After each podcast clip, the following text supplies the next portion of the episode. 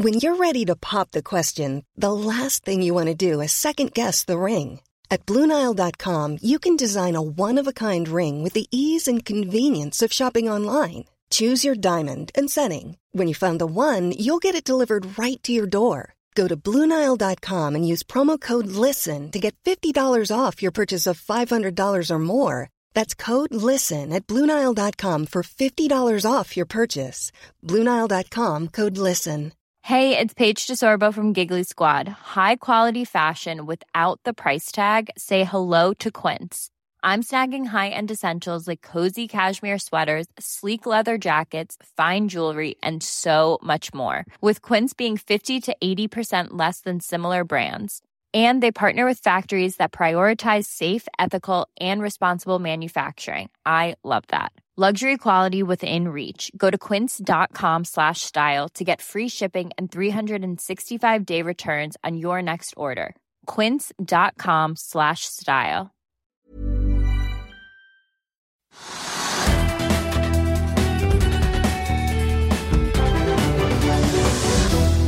Velkommen til Økonominyhetene i dag tirsdag. Vi skal innom Oslo Børs. Vi skal også snakke om europabørsene og USA, så vidt også Asia. Men først skal vi gjennom noen hovedtrekk. I dag melder legemiddelvaksinen Pfizer at de tror de vil selge koronavaksiner for nesten 130 milliarder kroner i 2021. Omsetningen var på 1,3 milliarder i fjerde kvartal 2020. Vaksinen som ble utviklet sammen med tyske BioNTech, var en av de første koronavaksinene som fikk grønt lys i USA og senere EU. Ferske koronatall for Norge viser at vi fortsatt er synkende smittetrend her hjemme, men britene melder om at de har oppdaget en ny mutasjon i virusvarianten som først ble oppdaget i Storbritannia. Nå frykter forskere at det kan påvirke virus, virusets evne til eh, å være immun mot eh, vaksiner. I morgen slipper Eiendom Norge boligpristall for januar. Eiendomsmegler Kristoffer Ascher i Sema Johnsen sier han frykter en vekst på linje med Obos-prisene, kanskje til og med over 5% Han peker på at det gir et stort potensial for en potensiell boligboble. Den amerikanske elbilaksjen Tesla har gått mer enn 15% siden nyttår. I dag melder Elon Musk på Twitter at han tar seg en pause fra det på sosiale medier på ubestemt tid. Han er ifølge Bloomberg rangert som verdens rikeste mann akkurat nå, med en formue på 190 milliarder dollar. Wall steg mandag og har etter å ha lagt bak seg den verste ukentlige fallet siden oktober 2020. Og i Europa ser også de ledende børsene an til å være opp mellom 0,5 og 1% også på Oslo Børs er det solid eh, gladstemning i dag, Trygve. I hvert fall opp 1,2% akkurat nå. Og i dag ser vi bevegelser på oljeprisen. Ja. Altså Hvis man skal lete etter en driver eller trend, så kanskje ikke trend, men iallfall en driver i markedet, så er det at oljeprisen har hoppet da fra rundt 55 dollar på fat til nesten 80, altså 58 dollar på fat. Det er mye. Det er 2-3 og det har markedet tatt hensyn til med en gang. Så vi ser at det som vi da kaller som oljeaksjer, altså Aker BP og Aker Solutions og Equinor osv., de typiske såkalte oljeaksjene, de stiger ganske kraftig. Aker BP stiger 5% og Equinor et par prosent. Og, så det er, markedet rører seg oppover fordi at man tror at oljeprisen da må endelig si mange. da. Vi har sittet og sett på den oljeprisen på 55 dollar fatet i lang lang tid. Og nå snur det litt oppover, og det er på en måte en driver i markedet. En positiv driver. Vi har også en svært negativ nyhet i dag, i hvert fall for de som eh, har hatt tro på Polarkus. Ned 50% i dag, Trygve. Hva er det som har skjedd uh, siden der har vi et godt ja, men Der har vi et godt eksempel på at folk må følge med. Og, og Vi har snakket om det mange ganger, senest i går. Og det er det at eh, Polarkus har vært ille ute finansielt. De har liksom tatt masse penger. De har, det har ikke vært noen ting. Balansen er elendig. At de har forhandlet med kreditorene, långiverne, om hva som skal skje. Og Det har vi snakket om mange ganger. At liksom kursen faller og faller, og det er liksom ikke noe å hente.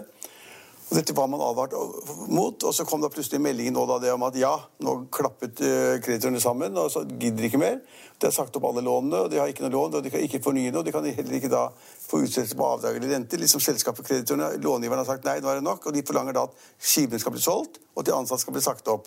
I realiteten vil det si at uh, Polarcus går mot null, eller, nærmere, eller, mot konkurs eller avvikling på en eller annen måte.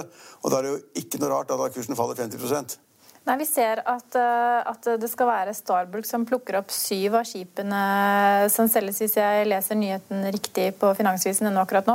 Og, I tillegg så har vi PGS som stiger 10% samme dag som vi får dette voldsomme fallet i Polarcus. Kan man si at den ene stød er den andres brød? Ja, delvis kanskje. Altså, det kan tenkes at noen tenker at hvis Polarcus blir borte, så er det større marked for PGS. PGS eier egne skip eh, og har ligget veldig dårlig an lenge. Veldig svak økonomi. og De har gjort mange krumspring for å forsøke å unngå da en avvikling eller konkurs, de også.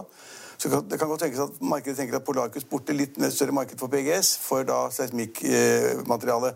Men poenget er jo det at de skipene du har inne på så vidt, de skipene til Polarcus blir jo ikke borte. De skal ikke senkes i havet, de skal ikke kutte, kuttes opp. Så de er der. Så noen fanger opp de, så tilbudssiden blir jo like stor. Uh, så, jeg, så, det å si da liksom at PGS vil få klar glede av at Polarcus går under, det er, ja, det er litt tvilsomt. På den annen side så er det også slik at eh, PGS løftes, tror jeg, mer av det forholdet at oljeprisen går opp. slik at det er en generell holdning til at nå vil oljeselskapene bruke mer penger på å bore. Og når de borer, så må de ha liksom seismikkunnskap for å bore på de riktige stedene. Og det har vi snakket om hundre ganger. at Uh, oljeselskapene har ikke villet bore mer og lete etter mer olje og gass. for Folk sier at de har for mye fra før. Uh, miljøorganisasjoner og andre de er mot at man liksom leter etter mer olje og gass. og sier at liksom, Den norske sokkelen skal det ikke mer leting til. og da, du kan si at Etterspørselssiden for da seismikk den har vært temmelig lav og ned, for nedadgående. Og det er masse seismikkselskaper. Det er fem-seks selskaper. Uh, slik at PGS ligger også dårlig an, men de stiger kanskje akkurat de 7-80 i dag fordi man da tenker seg at at uh, oljeprisen kanskje blir høyere på, over lengre tid. Uh, og så har man den kursen opp, mens da, liksom da uh, Polarkurs går ned. Det er jo litt morsomt at denne styrkelsen av oljeprisen skjer dagen etter at vi hørte Bjørnar Kjeldrup si at man, flere oljetradere forventer at oljeprisen faktisk kan nå, gå opp til 80 dollar i andre halvår. Tror du vi kan se priser Nei. helt opp i Opp i 80 dollar? Ja. Nei, jeg har ikke peiling. Eh, det er så volatilt. Det er så avhengig av hva OPEC gjør, OPEC pluss og Russland gjør, og hva, hvordan man vil styre prisen. Hvis de, hvis de, vil styre prisen opp, så bare kutter de tilbudssiden ned. Dvs. Si at de da produserer mindre olje og gass, og så går prisen opp. Eh, hvis etterspørselen er konstant, eller hvis etterspørselen øker. Eh, men det er helt umulig å si. Jeg tror han har vært litt for optimistisk før, og det er rett å si det nå. Og jeg kan ikke tenke meg at verden blir slik så raskt. Det kan jeg faktisk ikke tenke meg at verden som sådan vil bruke så mye mer olje at det liksom pumpes opp mer og mer og mer, og at prisene kan settes opp, og at eh, det vil bli behov for å frakte den oljen rundt om i verden. Jeg tror ikke det. Nei. Det det, men altså jeg, det, nå var det ikke Bjarne selv som sa det, han bare viste til at det var oljemeglere der ute som, det er alltid noen som sier det. Som satt tettere på markedet, som trodde at de ja, faktisk kunne Noen sier at oljeprisen går i 80 dollar på fat, det er wishful thinking. Og noen sier at den kan falle fra 55 eller er det da 58 dollar på fat, til 20 eller 30 eller 40 hvis verden stopper helt opp, og hvis da hvis da, hvis da, man tar bort alle de restriksjonene som operatørene har lagt på seg selv, vil de har kuttet ned produksjonen for å få prisen opp. Hvis de tar bort alle restriksjonene og produserer for full, så vil prisen falle. Ja. Og så til eh, noen andre aksjer som faller i dag. Vi bør kanskje nevne Scatec Solar.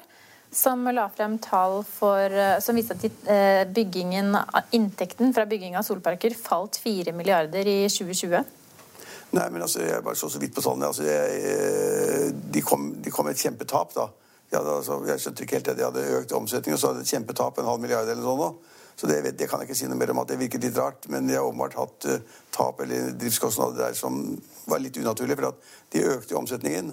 Og så økte, da, økte underskuddet liksom fra pluss fra 50 millioner til minus 500 millioner. Og Sånn, og det var litt snåle greier. Så det har jeg ikke noe spesialkunnskap om. Men vi glemte et selskap som hadde med olje å gjøre. Jeg har ikke tenkt å glemme noen i dag, så da får du bare ta det med. Tenker du på Hunter Group? Ja, selvfølgelig. Ja. Fordi at poenget er at Det har også snakket om at folk må se hva som foregår. Og jeg la, la litt vekt på i en del av våre sendinger de siste ukene på at tankmarkedet gikk ned. Veldig ned. Ikke litt ned, svakt ned, men ekstremt ned. slik at man fikk altså absolutt bunnrater i tankmarkedet. Til tider også negative rater. Det vil si at liksom, man fikk ikke betalt noe som helst. Man måtte nesten betale.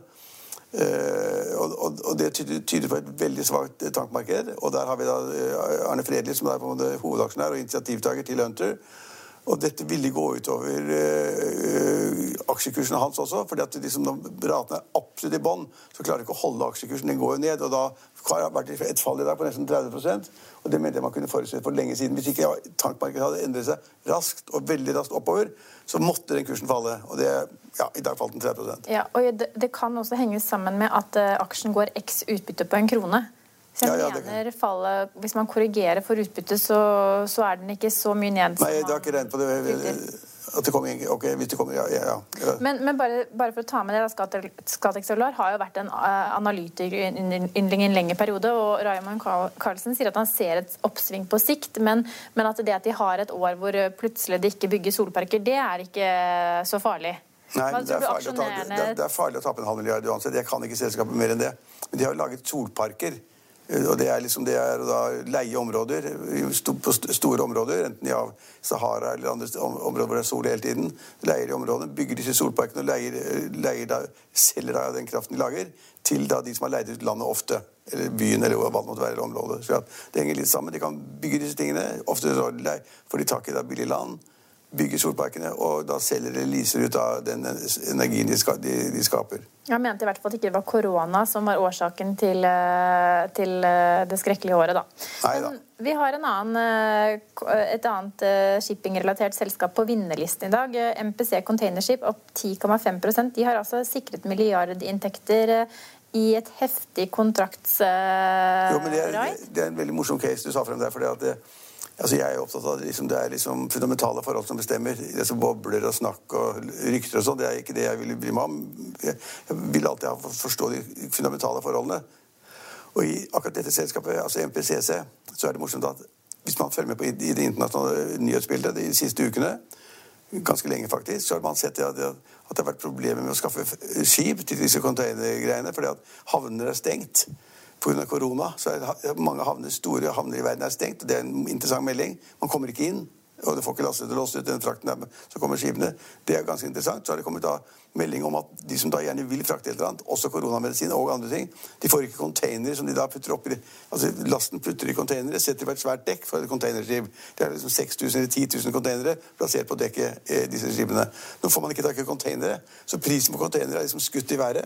Og når prisen på containere skyter i været, og du ikke får skip til å gå inn i havnene for å få lov på å besøke havnene, så går ratene i været.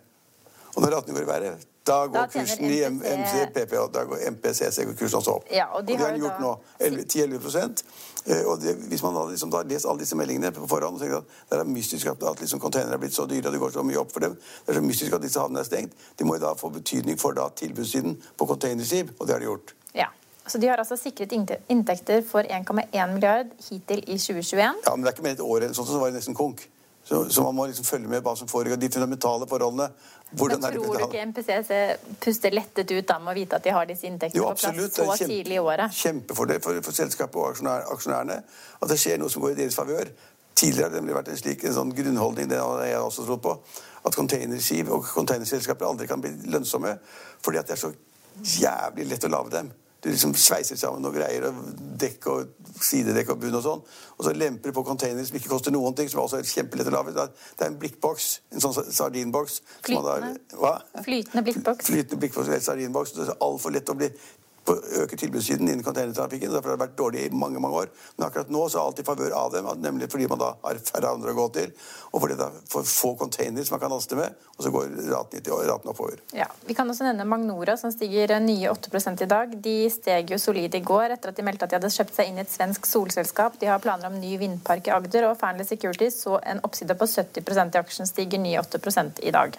Også Idex Biometrics, de har da inngått en kontrakt med noen om ja. uh, bruk av sin metode. Ja, De har jo finger, en sånn fingeravtrykkssensor, og den skal nå bli inkludert i en biometrisk betalingskortsertifisering i Union Pay. Og det... Vi håper det blir noe av. Sånne rykter går jo hele tiden av at de, den type selskaper samarbeider. At de har fått innpass i den telefonen, i den døra, det åpningssystemet og det lukkesystemet. Så vi får håpe de får det. Det er ikke mer, eh, mer eh, liksom svoi over den nyheten enn at den sender aksjen opp 6 da. Nei, ja, det, det, er det, er jo flere aksjer som går mer enn det i dag.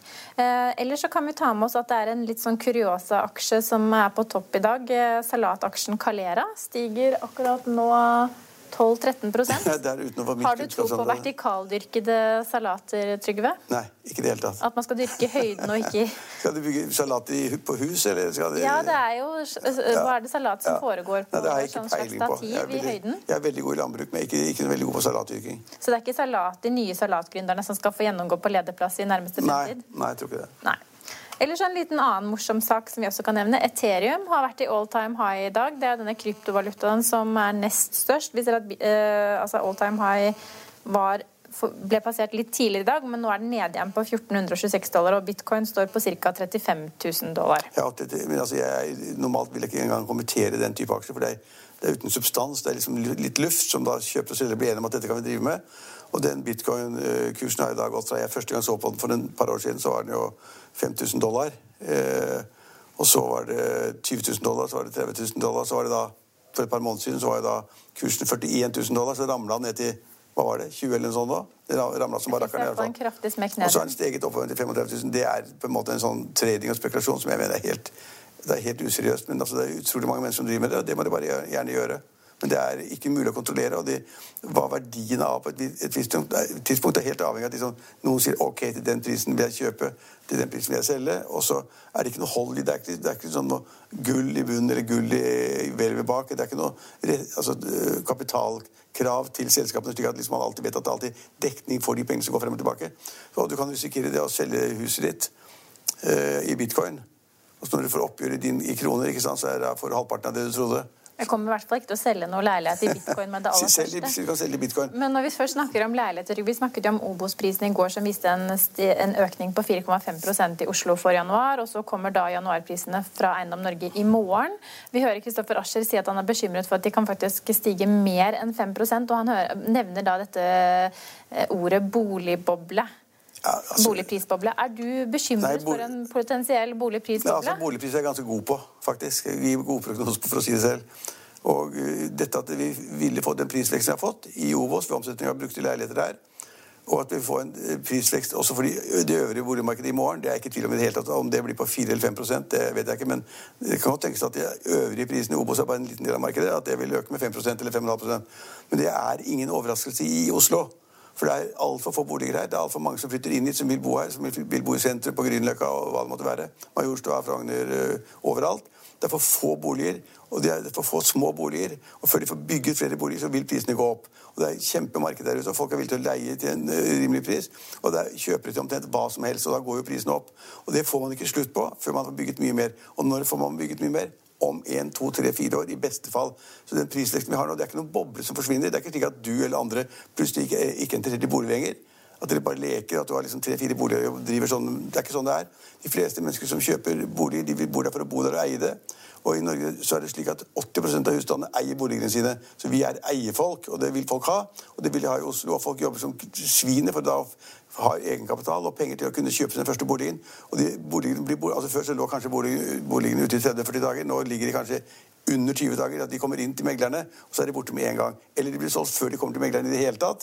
Til sånn uh, kupping, kupping, på, på forhånd. Det er jeg veldig for, men veldig mange er veldig imot Og Det er veldig fint. Ja.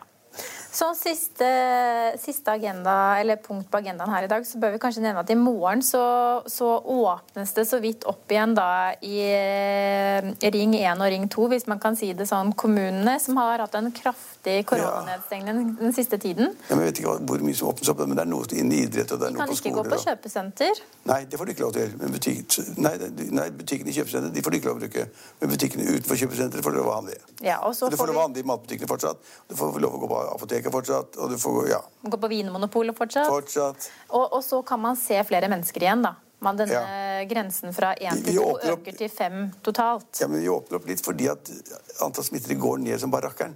Og med de der raske, harde tilfellene man gjorde da i, nord, nord i, i Oslo-regionen, som har fått av uh, disse smellene i Fredrikstad og Sarpsborg uh, og Halden ja særlig Halden, hvor de har liksom hatt en ishockeysamling med 100 mennesker til stede, sånn alle smitter hverandre. Det er jo helt sjukt. Men man har liksom slått hardt til, og det er ganske bra. Og Derfor så går da smittetallet ned, og da er det slik at uh, da kan man også åpne litt. Grann. Og det, nå har jo Raymond Johansen og den, den rød-grønne regjeringen i Oslo de har sagt at liksom, man må tenke på de som har vært ansatt i restaurantene og barna også. De er liksom da på, på, på hele tiden, og nå får de kanskje lov å jobbe igjen. Ja, for at eh, Serveringssteder og kafeer selvfølgelig åpner igjen, men denne skjenkestoppen den fortsetter. Har du noe tro på at skjenkestoppen vil bli opphevet i nærmeste framtid? Ja, det er definisjonen på nærmeste fremtid. Nei, altså jeg, ja, altså jeg, tror at veldig mye blir åpnet opp i løpet av en måned eller to nå. Fordi at smittetallene vil komme til å gå ned. Vi er ganske tøffe i Norge, vi får det til. Og Folkehelseinstituttet er gode, og Helsedirektoratet er gode, og regjeringen er flink til å følge opp også. Jeg tror tallene kommer til å gå veldig mye ned. Og så tror jeg også det at det kommer til å være vaksiner som folk trodde ville komme om tre-fire måneder. De kommer til å komme i løpet av en måned eller to til Norge. Fordi man Norge skaffer seg vaksiner. Nå har EU fått ekstra kvoter fra uh, AstraZeneca.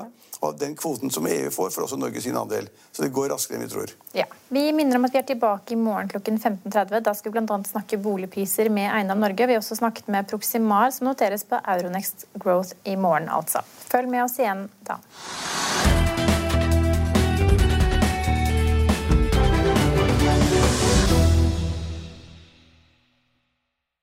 Økonominyhetene er en podkast fra Finansavisen. Programledere er Marius Lorentzen, Stein Ove Haugen og Benedikte Storm Bamvik. Produsenter er Lars Brenden Skram og Bashar Johar.